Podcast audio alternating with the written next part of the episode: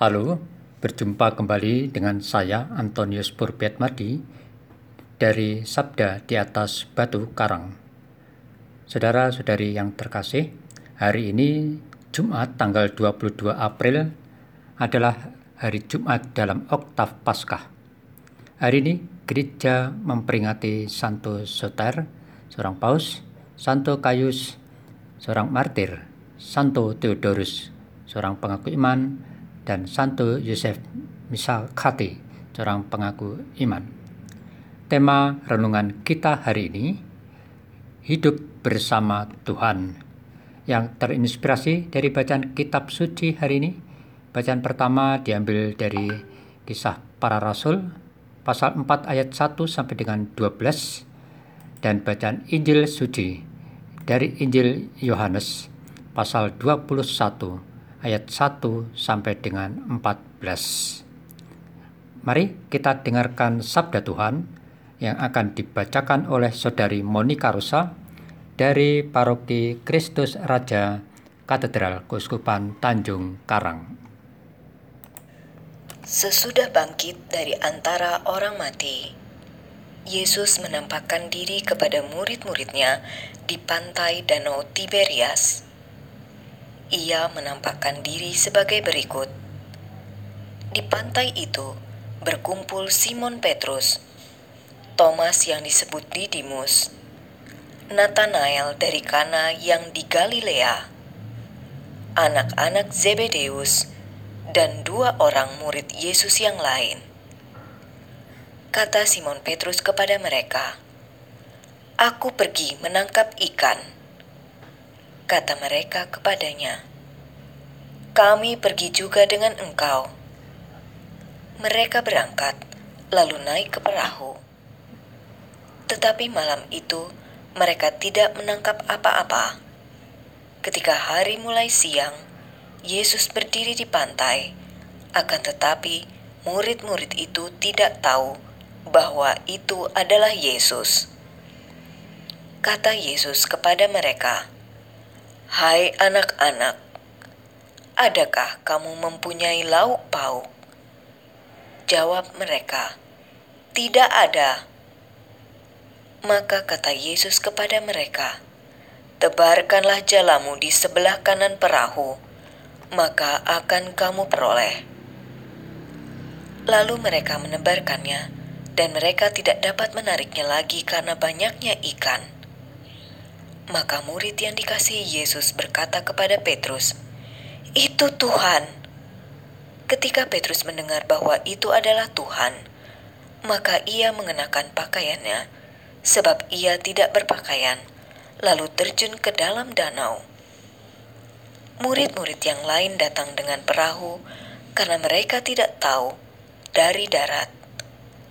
Hanya kira-kira 200 hasta saja dan mereka menghela jala yang penuh ikan itu.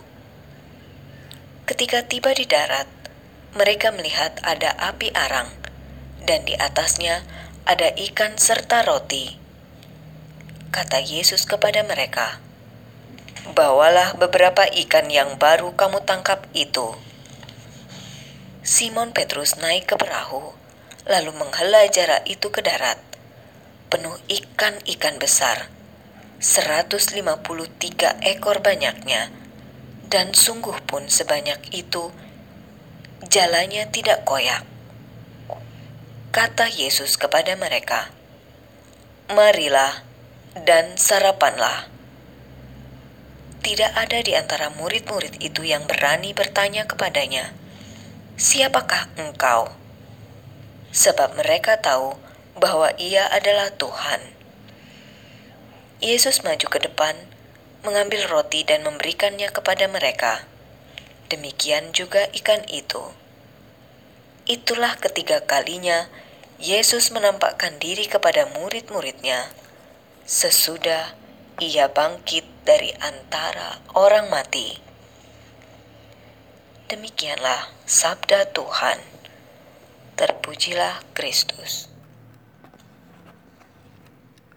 Saudara-saudari yang terkasih, kita pasti pernah mengalami kekecewaan, kedukaan, atau keputusasaan hati, entah itu karena orang yang kita kasihi meninggal dunia, sakit tak tersembuhkan, terkena pemutusan hubungan kerja sehingga menganggur, gagal dalam bisnis, dan sebagainya.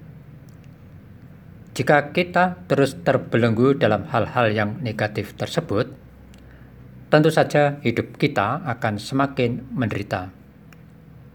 Untuk itu, kita harus membangun semangat diri untuk bangkit dan melakukan aktivitas kembali, seperti kembali bekerja demi memenuhi kebutuhan keluarga kita.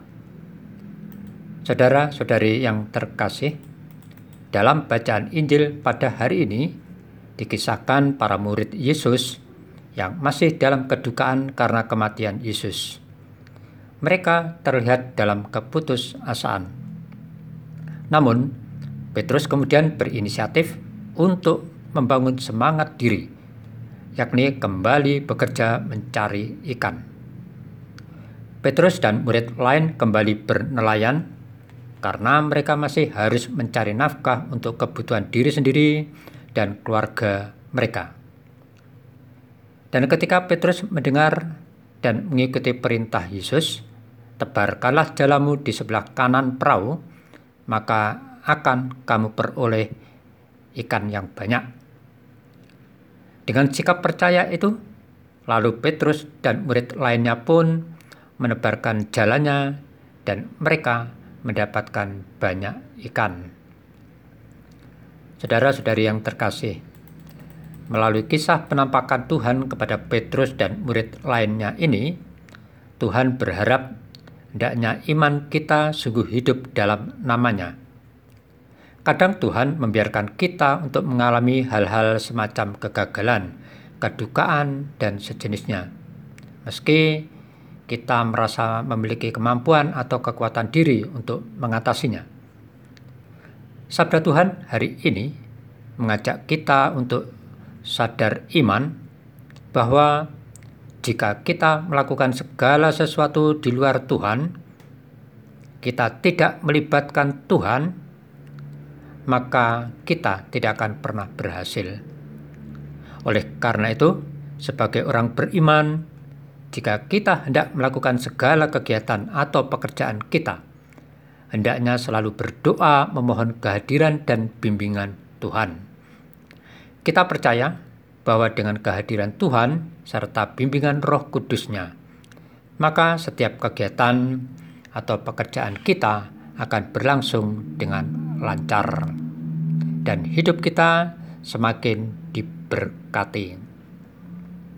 Ya Yesus, Semoga aku selalu peka akan kehadiranmu dan bersamamu aku mampu melaksanakan tugasku. Amin.